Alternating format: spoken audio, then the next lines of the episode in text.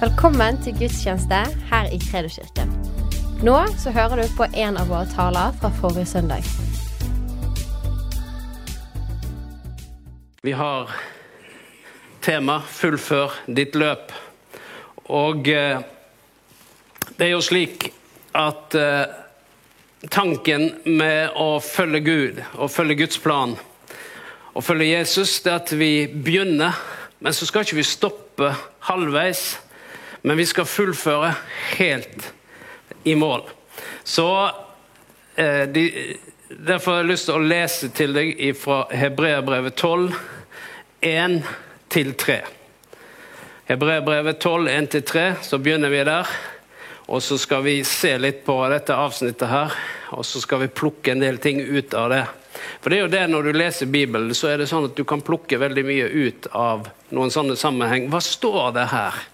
Jeg tok jo fra Markus 4, 26 og utover. Først strås og aks og moden korn i akse her for noen, en måned eller to siden. Og da er det, sånn, det, det, er så mye som ligger noen ganger i teksten som vi bare leser fort igjennom.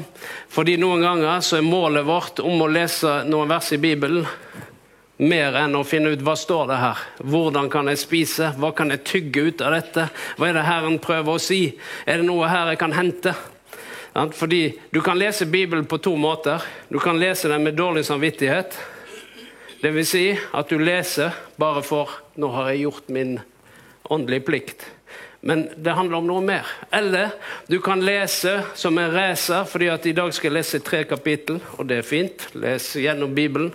Men det er det at vi må også stoppe opp og tenke Herre, når, når jeg leser Bibelen, så ber jeg Herre, hjelp meg.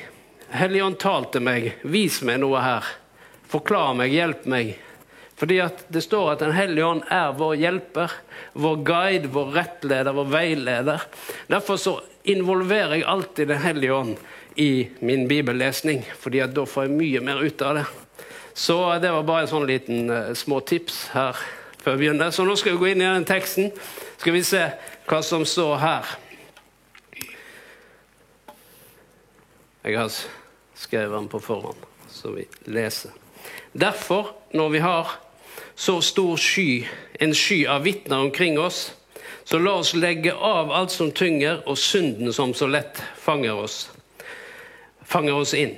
Og med utholdenhet fullføre det løpet som ligger foran oss med blikket festet på ham som er troens opphavsmann og fullender, Jesus. For å få den gleden han hadde i vente, holdt han ut på korset uten å bry seg om skammen. Og nå har han satt seg på høyre side av Guds trone. Ja, tenk på han som holdt ut en slik motstand av syndere, så dere ikke blir trette og motløse. Er det bare jeg som hører noen knirking her? Jeg skal skifte mikk. Det der er fordi Jeg tror jeg tar en annen mikk. Hva sier du eh, som styrer lyden?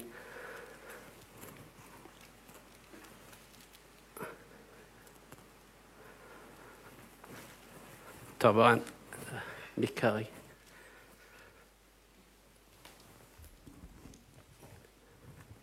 For sikkerhets skyld, fordi når du hører på en podkast eller en YouTube, og du hører sånn irriterende lyd, så mister en budskapet. Så derfor så hørte jeg sånn lyd nå, det har jeg hørt før. Så da tenkte jeg nå må vi bare skifte her. Sånn at ikke en mister poenget når en skal høre på podkast. Ok, da er vi på. Det går fint å bruke mikk. Jeg har to ting jeg må huske på i dag. Så når det står her at Jesus han er troens opphavsmann og fullender, så betyr det at vår tro den begynner med Jesus, den fortsetter med Jesus, og den fullføres med Jesus. Fordi han er vår tros opphavsmann og fullender. Han er opphavsmann til all tro, og en fullender av all tro. Fordi han er i går, i dag og til evig tid den samme. Han er begynnelsen, og han er enden. Det er Jesus Kristus som var med helt fra begynnelsen av. Han er en del av treenigheten. Men så står det og så skal vi fullføre det løpet som ligger foran oss. Og det er jo sånn at uh, vi, det, det viktige det er å fullføre, ikke bare å begynne. Og Derfor så vil jeg si litt om det å fullføre ditt løp i dag. Slik at denne trosreisen som vi er på, den Vi kommer helt i mål. Helt over målstreken. Og så står det der i, i uh, Filipperbrevet, annet, så står det at uh, jeg jager fram mot målet, mot den seierspris som Gud har for meg, sier, sier Paulus. Og videre så sier han følgende i 2. Timoteus 4 og 6-8 så står det sånn For når jeg blir ofret, og tiden er inne da jeg skal bryte opp Nå var det ikke sånn at han skulle ofre sånn som et vanlig ofres, men han skjønte at han kom til å dø. Så, eh, så sier han, 'Jeg har stridd den gode strid.' 'Jeg har fullført løpet og bevart troen.' 'Nå ligger rettferdighetens krans klar for meg.' 'Den skal Herren, den rettferdige dommer, gi meg på den store dagen.' Ja, ikke bare meg, men alle som med kjærlighet har ventet på at han skal komme. Det ligger altså en seierskrans og venter på oss når vi passerer målstreken. Det er det som er. Det ligger nå og venter på oss. Det står eh, i, i eh, Filippebrevet 3,12 der står det at han snakker om en seierspris, og her snakker han om en seierskrans. Så derfor er det slik at Når vi fullfører, når vi går over denne målstreken, om det er at Herren rykker oss opp, eller om det er fordi vi, vi eh, dør og uh, møter Jesus i, i himmelen, så er det slik at eh, det ligger noe og venter på oss. Det er en seierskrans. Det er fordi at vi har fullført noe. Vi har fullført løpet. Vi har bevart troen. Og så mottar vi noen ting. Ja, vi mottar det evige liv. Det er det ene. Men det andre er at det, eh, er noe som venter på oss. Så derfor så tenker jeg at vi skal se litt på hvor, hvordan løper vi. Og så skal vi se på teksten som vi begynte med, slik at eh, det og, eh, hvordan vi kan være fokusert på Jesus, se på han, tenke på han mens vi løper. Og så sto det at vi skulle legge bort det som tynger, synden som prøver å fange oss. Og så står det òg noe annet, at vi skulle ikke bli trette eller motløse. Så i denne teksten her så står det noe om hvordan vi kan fullføre. Og så står det òg noe om noe som kan hindre oss i å fullføre. Og Derfor skal vi se på, på disse tingene. Det første jeg tar, det er tre ting som kan uh, hjelpe oss til å fullføre. Og Det første som står her, det er at det er en sky av vitner. Vi leste det. Det betyr at det er historien til andre som har fullført løpet.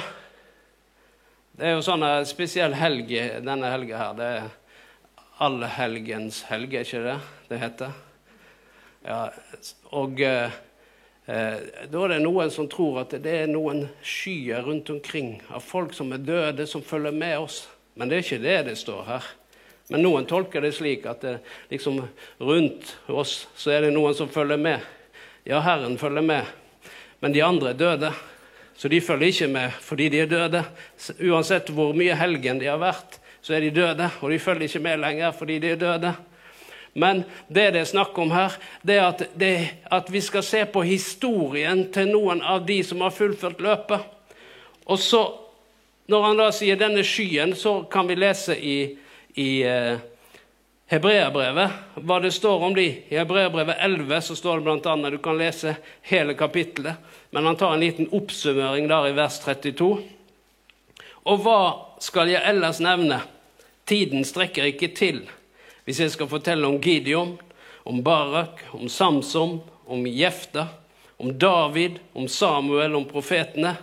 Ved tro vant de over kongeriker, holdt retten oppe, fikk løftet oppfylt lukket gapet på løver, slukket voldsom ild, slapp unna bitende sverd, gikk fra svakhet til styrke, ble sterke i krig og slo fiendtlige herrer på flukt.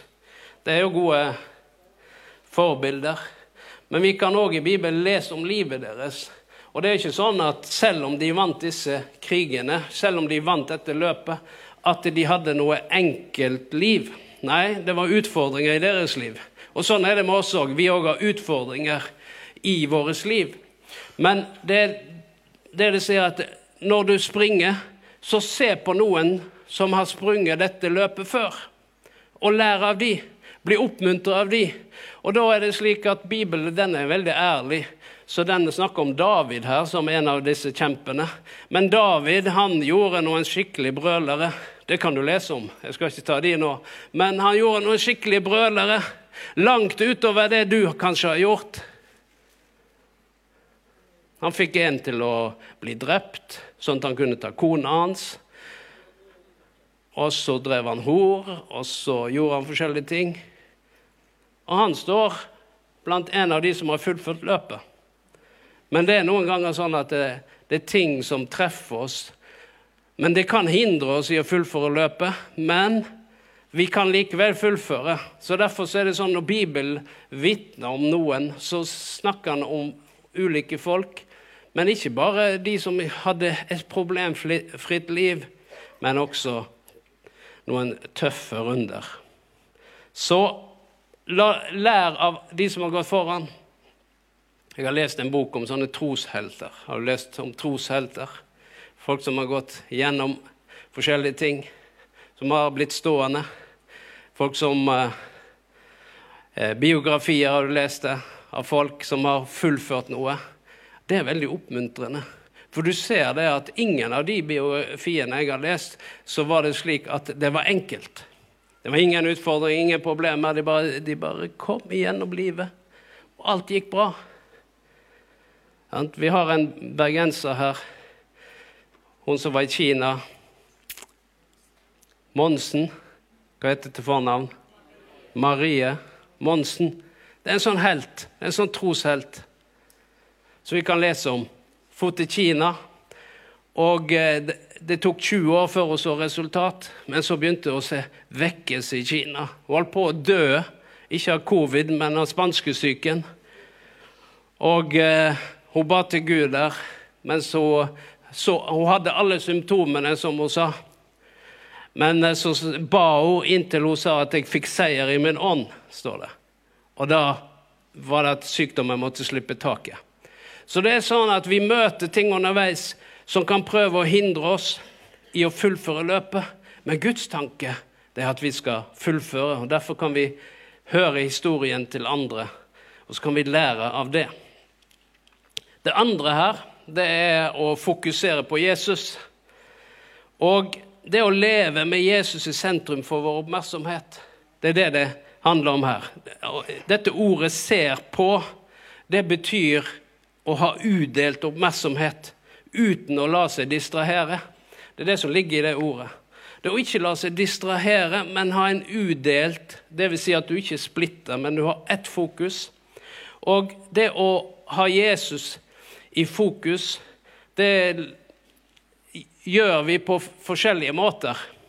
Men eh, Apostelens gjerninger 2.42, der står det om den første menighet. Og I den første menighet så var det fem ting som de holdt på med hele tiden. De hørte undervisning, det var Guds ord, det var bønnen, det var nattverden, det var fellesskapet, og så var det lovsangen. Det var fem ting som gikk igjen. Og jeg tror at alle disse fem elementene er med å holde oss med et Jesusfokus. Tar vi bort bønnen, ordet, nattverden og lovsangen, så kan det være at vi kommer et stykke med fellesskapet. Fordi at fellesskapet kan kanskje hjelpe oss tilbake på veien hvis vi sporer av. Men jeg tror at vi trenger alle disse tingene. Fordi at det hjelper oss til å løpe. Fordi at vi skal løpe sammen med noen. Tanken var ikke at vi skulle springe alene, men at vi skulle løpe sammen med noen. Vi skulle være disippel, og så skulle vi, og så skulle vi lære en disippel. Eh, jeg tar ikke går litt fort her nå. Men fokuser på Jesus. Det, det holder han varm hele tiden. Men så er det òg det å løpe med en hensikt. Og i ordspråkene 2918 så står det at uten åpenbaring så kommer folket på villspor. Det vil si, dette uten åpenbaring det oversettes noen ganger med visjon eller med profetisk syn. Men det handler om at vi ser hvor vi løper, og vi vet hvor vi løper. Det er ikke bare det at vi, vi ser hvor vi løper, men vi har en hensikt med dette løpet. Og det er det med åpenbaring. Det, det ene er at vi forstår hva Bibelen sier. Men det andre er at vi får en hensikt som driver oss framover. En hensikt som gjør at ja, men jeg vil nå dette målet. Og Vi kan gjerne si at det, det å nå himmelen er en hensikt. Men det er òg en hensikt her på jorden å fullføre det løpet som, som, er vårt løp, det som er vår distanse, som vi skal løpe.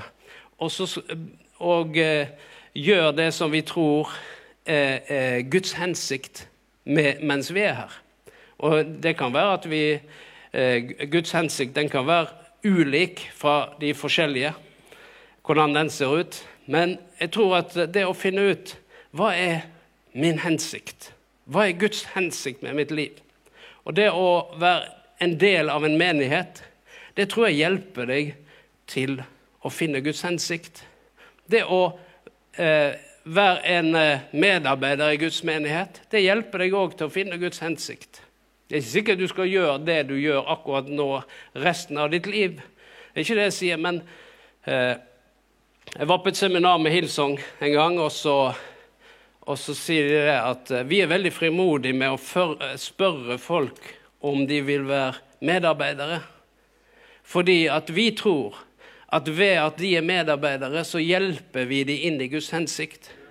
Og jeg vet det med min egen del det var at fordi jeg begynte å tjene i menigheten, som førte meg inn i Guds hensikt Jeg begynte veldig ung, gjorde forskjellige ting. Det var ikke noen åndelige oppgaver, det var praktiske ting her og der. Men jeg var engasjert, og dette engasjementet det førte meg til neste steg, til neste steg, og plutselig, når jeg var kanskje 20-22 år, så skjønte jeg hensikten. Det tok litt tid, men plutselig var det noe som datt ned. Og så begynte jeg å springe med det som var min hensikt. Og det tror jeg det er snakk om her, det er at vi, Gud ønsker at vi skal løpe med en hensikt og være fokusert.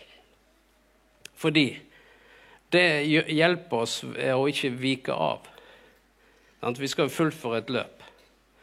Så det var tre ting. Kunne, den lista kunne vært lengre, men det var ut ifra denne teksten her så hentet jeg bare ut tre ting. Men vi skal se på fire ting som kan hindre oss i å fullføre løpet. Fordi det står om fire andre ting her i teksten som vi skal se på. Det står her at noe som kan hindre oss, det er når noe tynger oss.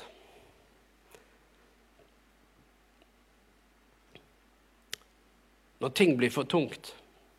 Når ting plager oss, og det blir tungt å springe. Det kan hindre oss. Og det å eh, finne ut eh, hva, det, hva, det, er som tynger oss Det kan være at det er noe uoppgjort med noen mennesker. Og så plager det deg. Det kan være bekymring. Det kan tynge deg. Det kan være omstendigheter som blir større enn du kanskje tenker at du makter. Det kan bli for mye, rett og slett. Og så trykker det deg ned. Og så kjenner du at dette her er heavy. Og så kan det hindre deg i å løpe. Og eh, det andre, det er når synden prøver å fange oss. Så det er to ting det står som eh, vi, vi må legge bort, står det. Det står at vi skal legge av. Leste du det i teksten? eller vi leste det sammen til å begynne med. Legg bort, legg av det som tynger, og synden som prøver å fange oss. Det å legge av noen ting, det er en aktiv handling. Det, det er noe du gjør helt sånn aktivt. Eh, fordi hvis du skal legge noe til sides, da må du fysisk bare ta og legge det bort. Og sånn er det her at legg av det som tynger, leste vi. Det å Det det betyr at når du er bevisst på at det er noe som tynger, eller at det er noe synd som prøver å fange oss, da må vi gjøre noe aktivt. Da må vi faktisk ta tak i det, og så må vi se, være åpen med det, snakke om det. For noen ganger så kan vi isolere det inn i oss selv så går vi der med det. og så blir det tyngre og tyngre når vi går med det alene. Vi trenger å ventilere, som det heter. Vi trenger å snakke med noen. Vi trenger å få det ut. Vi trenger å sette navn på det. Og noen ganger så klarer vi ikke å sette navn på det selv. Og da trenger vi hjelp av noen andre som kan hjelpe oss å sette navn på det. For noen ganger så er det sånn Aha, nå begynner jeg å se det. Nå begynner jeg å forstå. Så derfor så er det ikke, som jeg sa i sted, tanken er ikke at vi skal springe dette løpet alene, men vi skal være sammen. Vi må løpe sammen med noen hvis vi skal fullføre dette løpet. Og så står det her at eh, fordi det som er at vi kan ikke la ting skure og gå, som vi sier. Sånn, ignorere det som skjer i livet vårt, og late som om det ikke finnes der. Noen ganger kan det være fristende. Det å late som om ting ikke er der. Og så bare presse seg sjøl og fortsette og fortsette. Men det er sånn at hvis vi er ærlige med oss selv så vet vi når ting plager oss. Vi vet når ting tynger oss. Det er ikke alltid vi vet hva det er. Men noen ganger så vet vi hva det er, og da må vi adressere konkrete ting i vårt liv. Da må vi si dette er det som foregår. Dette er det som plager meg. Da må vi bare sette navn på det. Fordi om vi ikke gjør det, så kan det være at før eller siden kommer det akkurat det til å hindre deg i å fullføre løpet. Og det er det egentlig det er snakk om her. Det er det at du må Det å få lagt bort, legge til sides ting som kan hindre oss i løpet. Det er, ikke, det er ikke alltid du kan gjøre noe med det.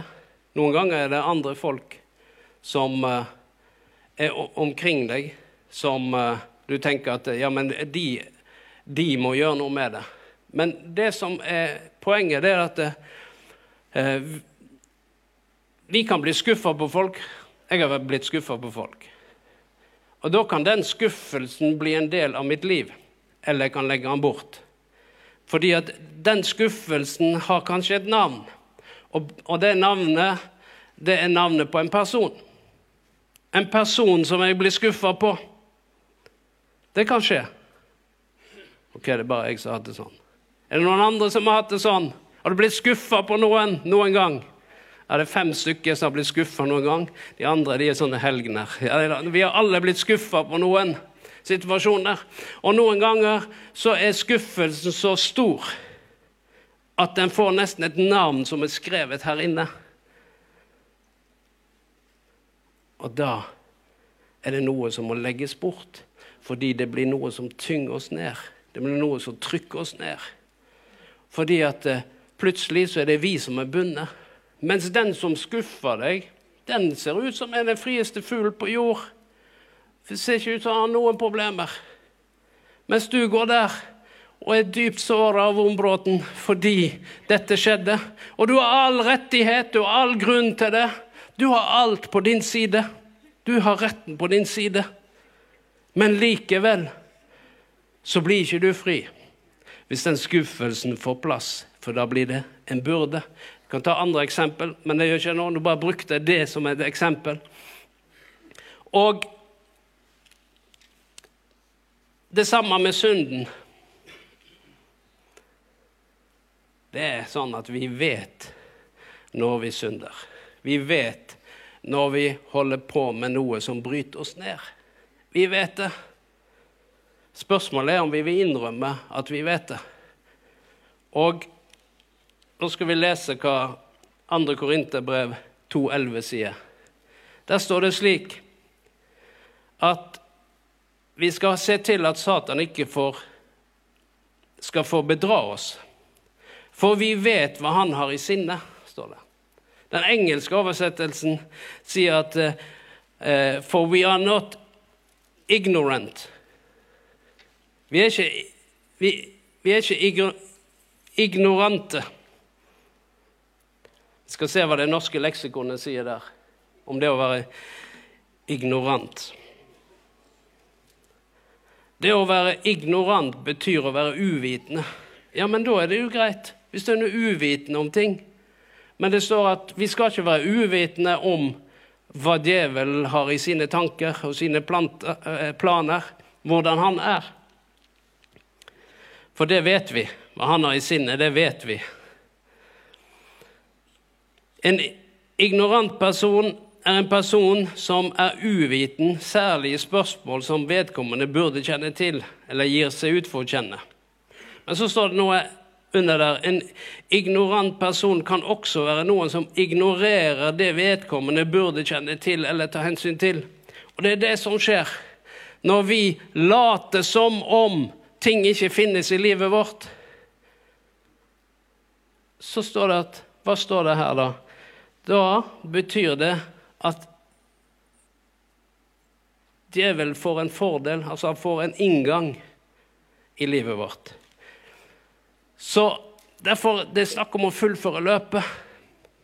Og da må vi åpne opp med ting som foregår i livet vårt. Fordi det å stenge det inne, det å late som, det å ignorere som om dette ikke fins, det vil plutselig få oss til å falle få oss til å stoppe eller hindre oss i løpet. Men Gud vil at vi skal fullføre vårt løp. Og Det er derfor han tar dette med.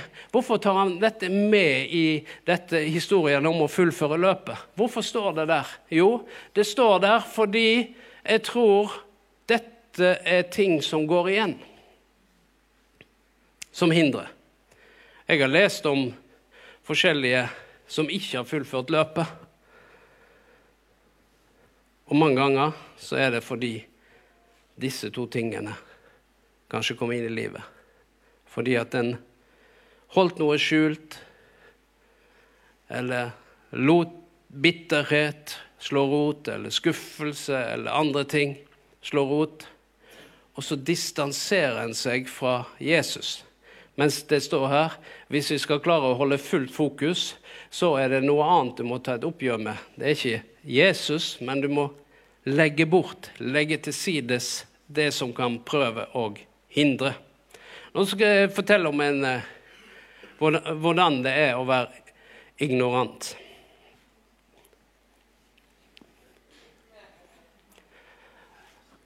Jeg leste her om dagen om eh, Er det noen som har liv her? Der er det en liv. Det er flere som har liv. Så ikke ta dette personlig nå hvis du har liv. Men det var sånn at det var en dame. Hun kjøpte seg en liv der er noen år siden. Og så kjørte hun på jobb hver dag mellom Namsos og Stjørdal. Det er et stykke, skjønner du. Men denne Leafen der, den har ikke noe stort batteri. Det betyr at du har bare strøm den ene veien pluss litt til. Så første gangen hun var ute og kjørte, så kjørte hun til Stjørdal. Og så kom hun halvveis tilbake til Namsos. Da var hun tom for strøm. OK. Én ting er at du gjør det én gang. Så kommer Falken, som du ser, eller Viking, eller hvem det er. NAF. Og så kommer de og henter denne dama. Tar bilen opp, kjører den til nærmeste ladestasjon, og hun får lade opp igjen. OK, det er jo greit. Nå har vi løst dette problemet. Problemet er bare at det går bare noen dager til så ringer det en dame fra en liv som går tom for strøm mellom Namsos og Stjørdal. Det viser seg å være samme dame. Og så skjer dette seks, syv, åtte ganger med samme dame, som stopper nesten på samme plass hver eneste gang fordi hun glemmer å lade i Stjørdal. OK, hva er det hun gjør? Hun ignorerer noen ting og så bare kjører hun på. Men da blir det stopp. Hvis du ignorerer ting, så blir det stopp. Så hun ignorerte noen ting. Til slutt så sa forsikringsselskapet stopp. Det vi kan være glad for, det er at det ikke er sånn med Guds nåde. Hos Herren så er det nåde, og den er ny hver dag. Eh, men det var når forsikringsselskapet sa stopp, at denne damen våkna opp. Hun kjørte åtte ganger og fikk hjelp. Og så sier forsikringsselskapet så hun kjøpte seg en ny bil med litt lengre distanse. For hun glemte å lade hver gang. sant? Det er det som skjer. Men hva er det egentlig Når du har en sånn eh, eh, Før så hadde jeg eh, sånn bensinmåler, og så hadde jeg en sånn oljelampe. Jeg visste det. Hvis denne oljelampen lyser rødt, da må jeg stoppe bilen med en gang. For hvis ikke, så kommer hele motoren til å skjære seg. Og det er sånne at Noen ganger så er det sånne varsellamper som lyser. Og så må vi ta signalet. Vi må ikke ignorere det. For hvis vi da ignorerer det, så til slutt så stopper det opp. Jeg har en datamaskin, og før i tiden i hvert fall, så hadde en annen, og så fikk du sånn melding om at du måtte oppgradere. Du måtte oppgradere. Og så har du en sånn liten knapp som sier 'utsette'. Utsette. Så jeg trykte 'utsett'. Og så kom det en ny melding. Jeg trakk det 'utsett'. Og jeg utsatte og utsatte og utsatte. Til slutt så var det nesten som maskinen ikke ville starte opp. Og ikke ville han uh, ta disse nye appene og greier. Og jeg skjønte ikke hvorfor virker ikke denne appen lenger, og ble irritert fordi at det ikke virker. Men hva var problemet? Hvorfor virker det ikke? Fordi jeg hadde ignorert noen ting. Og sånn er det at Herren sier her det er noen varselslamper du må følge hvis du skal fullføre løpet. Og Derfor er det noe du må ta tak i. Du må ikke ignorere det som om det ikke finnes. Men du må tenke dette finnes. Og så, hvis du ikke finner ut av det selv, ja, da må du ringe service og si du, det skjer noe i livet mitt, men jeg finner ikke ut av det. Da er det kanskje noen andre som må hjelpe oss å finne ut av det.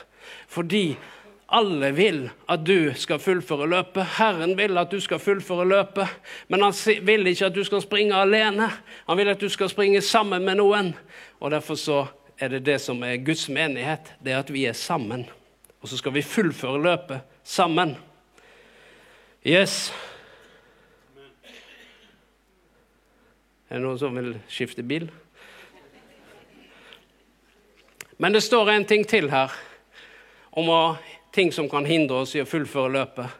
Det står at når vi blir trette og slitne Når vi blir trette og slitne, da blir vi uoppmerksomme.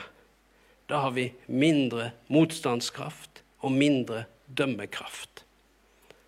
Derfor så tenker jeg det at eh, det å være sliten, det å være trøtt, det er noe Det er et sånn rød varsel som forteller at uh, hvorfor er du sliten? Da må du finne ut hvorfor er du sliten. Hvorfor er du trøtt? Er det fordi du har jobba for mye? Er det fordi du har jogga for lite? Er det fordi du spiser feil? Er det fordi du sover for lite? Hva er grunnen til at du er sliten? Er du psykisk sliten? For det òg kan skje. En ting er at vi er fysisk slitne, men noen ganger kan vi bli psykisk slitne. Det òg kan være en utfordring. Og da er det slik at da må vi finne ut hvorfor. Og så kommer jeg til å tenke på sabbaten. Du vet, sabbaten det er den ene dagen i uken.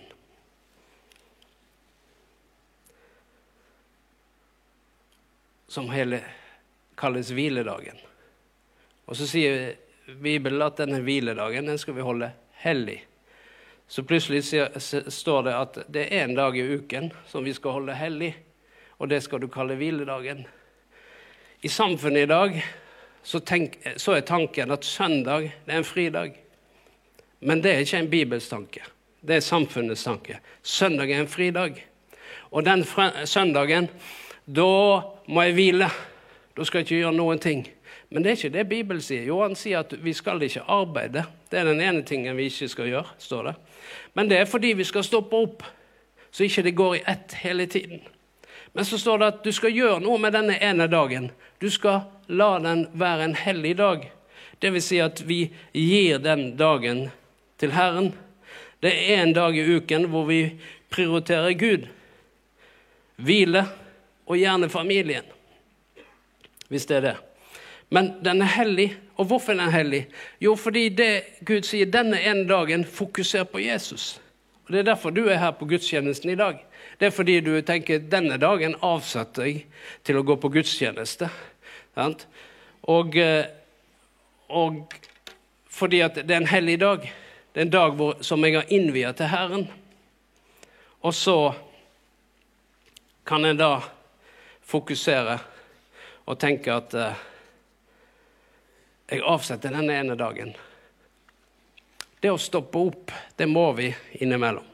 Vi må stoppe opp slik at vi ikke blir slitne, slik at vi ikke blir trette. Fordi hvis vi blir slitne og trette, så er det lett for å miste fokus. Jeg så det jeg var ute og kjørte her en dag. Kjente jeg var litt trett. Plutselig så mistet jeg litt fokus. Jeg var litt ukonsentrert. Hvorfor det? Fordi jeg var trett. Du skal ikke kjøre bil når du er trett. Men jeg gjorde det likevel, fordi jeg var ikke trett når jeg begynte. Men jeg kjente plutselig så ble jeg litt trett. Men, men hva er det? Det er fordi vi mister konsentrasjon. Vi blir ukonsentrert. Og Derfor har Herren han har faktisk hjulpet oss til å legge inn en dag i uken. Noen ganger så tenker vi at søndag er den siste dagen i uken. Men i Guds tanke så er det sånn at helligdagen var den første dagen til menneskene. Du vet at Gud skapte i seks dager. Sant? Det siste han gjorde, det var at han skapte menneskene. Og så hvilte Gud fra sin gjerning, står det. Og så står det derfor skal vi hvile fra våre gjerninger. Men det som var den første dagen mennesket våkna opp til, det var en hviledag, en hellig dag, med Gud i sentrum. Så jeg tror at Bibelen prøver å fortelle oss noe. Det å sette av til Herren først, det hjelper oss til å holde fokus. For vi skal jo fullføre løpet, skal vi ikke det? Yes. Jeg har lyst til å lese i uh, Matteus 11, 28 står det:" Kom til meg, alle dere som strever og bærer tunge byrder, og jeg vil gi dere hvile. Hva er det det står her? Dra på ferie. Nei, det står 'kom til meg'. Hvis du trenger hvile. Jo da, vi trenger hvile, vi kan dra på ferie. Men det er Jesus han snakker om en annen hvile. Det er det å hvile i Gud også. Og Derfor så står det i Jesaja 40 til 29-31. Eh, han gir den trette kraft, og den som ikke har krefter, gir han stor styrke. Gutter blir trette og slitne. Unge menn snubler og faller. Men de som venter på Herren, får ny kraft. De løfter vingene som ørn, de løper og blir ikke slitne, de går og blir ikke trette. Så her handler det om at vi kommer til Herren for å hente ny kraft. Noen ganger så prøver vi å hente ny kraft alle andre steder. Men jeg tror at hvis vi kommer til Herren en gang i uken, helst hver dag Men om ikke annet så sier denne dagen og uken, da gir jeg deg litt mer tid. Fordi da er det ikke arbeid. Da kan jeg gi deg litt mer tid. Så tror jeg det at du vil se det i livet ditt over tid at faktisk det virker på din sjel. Det virker på din syke. Det virker fysisk. For jeg tror at Herren han kjenner oss. Det er Han som har skapt oss. Og jeg tror han la inn denne rytmen for en hensikt. Slik at vi skulle fullføre vårt løp og ikke stoppe opp underveis. Men så står det en ting til her.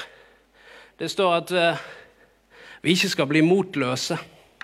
Motløshet det er noe som kan hindre oss i løpet. I Galaterbrevet 4,9 så står det at uh, i den rette tid skal vi høste, bare vi ikke mister motet. Og Timoteus, 2. Timoteus 1,7 sier at for Gud ga oss ikke en ånd som gjør motløs, men vi fikk ånden som gir kraft, kjærlighet og visdom.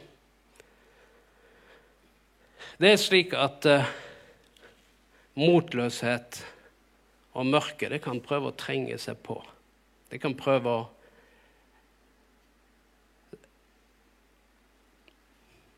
hindre oss i dette løpet som vi skal fullføre.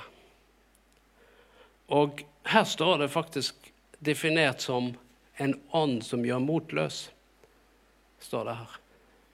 Så dette at motløshet det kan komme sigende.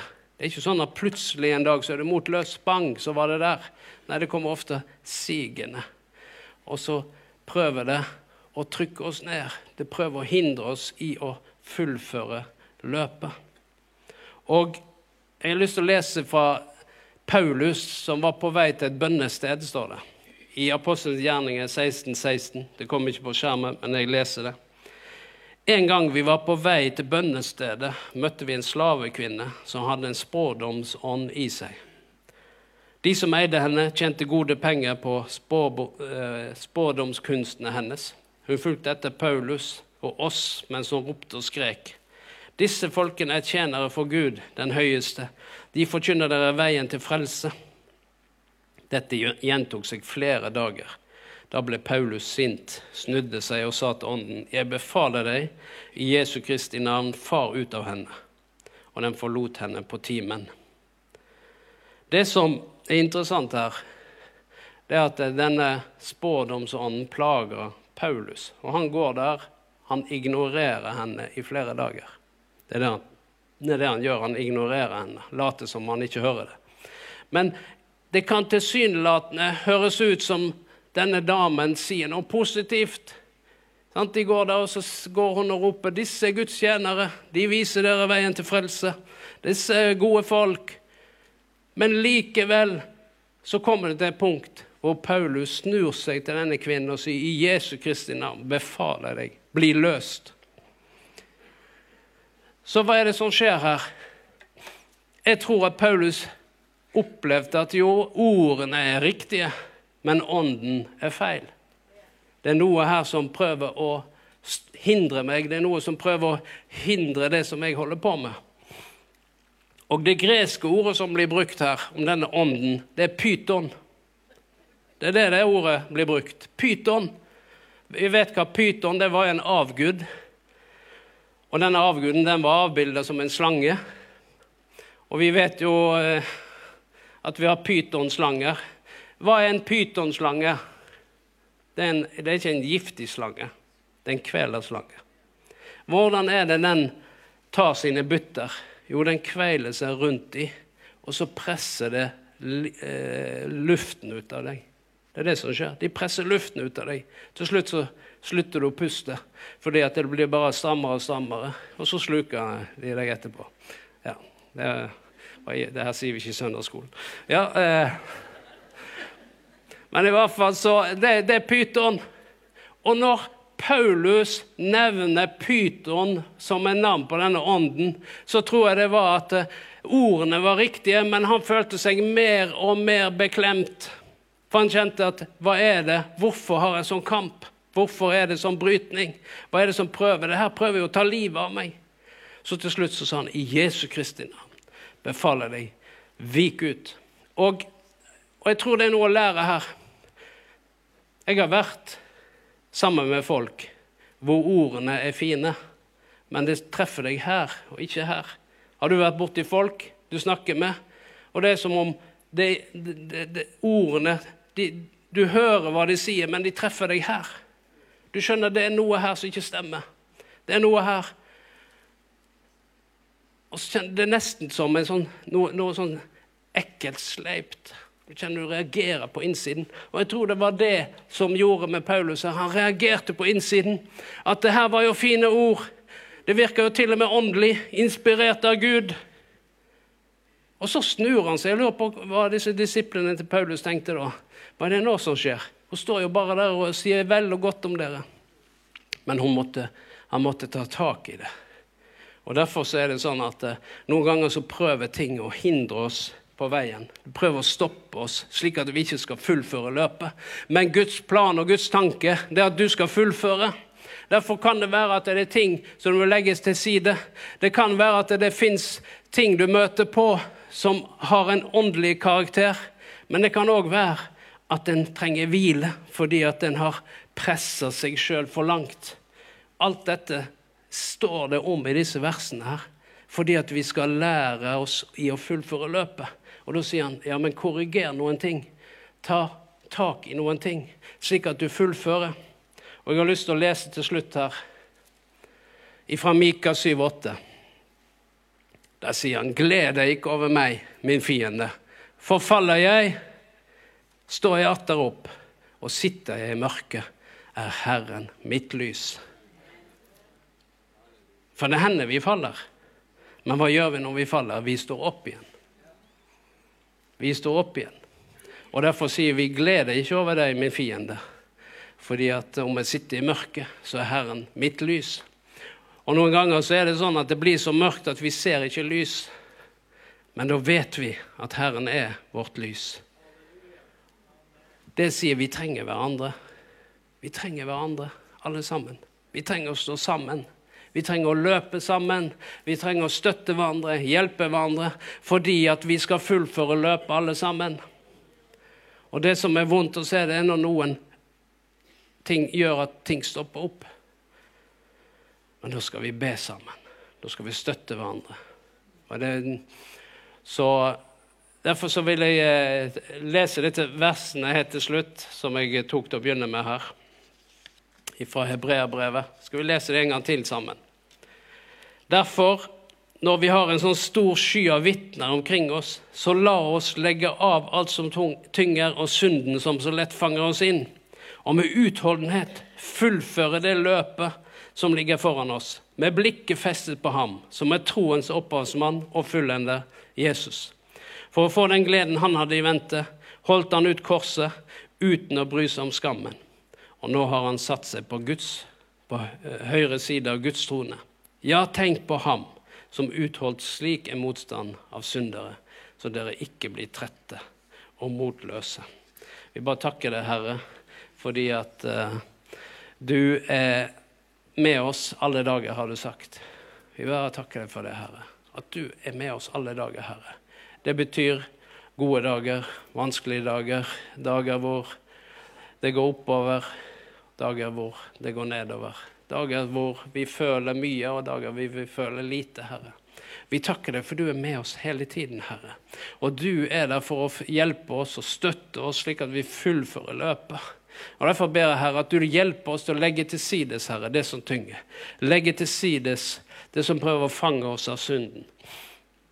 Vi ber deg, Herre, at du hjelper oss til å involvere andre mennesker i våre liv når det blir mørkt. Og vi ber deg, Herre, at du hjelper oss til å stoppe opp og gi plass og rom for deg hver eneste uke, Herre. Vi takker deg, Herre, du har gitt oss disse retningslinjene til hvordan vi kan fullføre et løp. Så kan vi fokusere på det, Jesus. Kan vi se på de som har gått foran oss, Herre. Vi takker deg for det. Vi priser deg, Herre. Så ønsker jeg å be, Herre, for de som er i dette rommet, Herre, akkurat nå så på en eller annen måte kjenner på noen av disse tingene, så takker jeg Herre at du er deres hjelper, Herre. Du, det har ikke gått deg forbi, denne tilstanden, Herre. Men du er der for å hjelpe, du er der for å løse, du er der for å sette fri. Vi takker deg for det, Herre, i Jesu Kristi navn. For ber Herre om styrke for hver enkelt en. Ber om liv ifra deg, Herre. Vi ber om lys, Herre. Vi takker deg, himmelske Far. Vi takker deg, Herre. Vi takker deg, Herre. Vi kan få lov til å Du som gir den trette kraft. Og den som ingen har krefter, gir du stor styrke, Herre, i Jesu Kristi navn. Vi takker deg, Herre, at vi på nytt får lov til å løfte vingene som ørn. Og hente ny kraft ifra deg, Herre. Vi priser deg for det. Jeg ber deg om det, Herre, i Jesu Kristi navn. Ny styrke, ny kraft ifra deg, Herre. Vi takker deg, Herre. Du som er troens opphavsmann og fullender. Du som har begynt en troens gjerning i oss, Herre.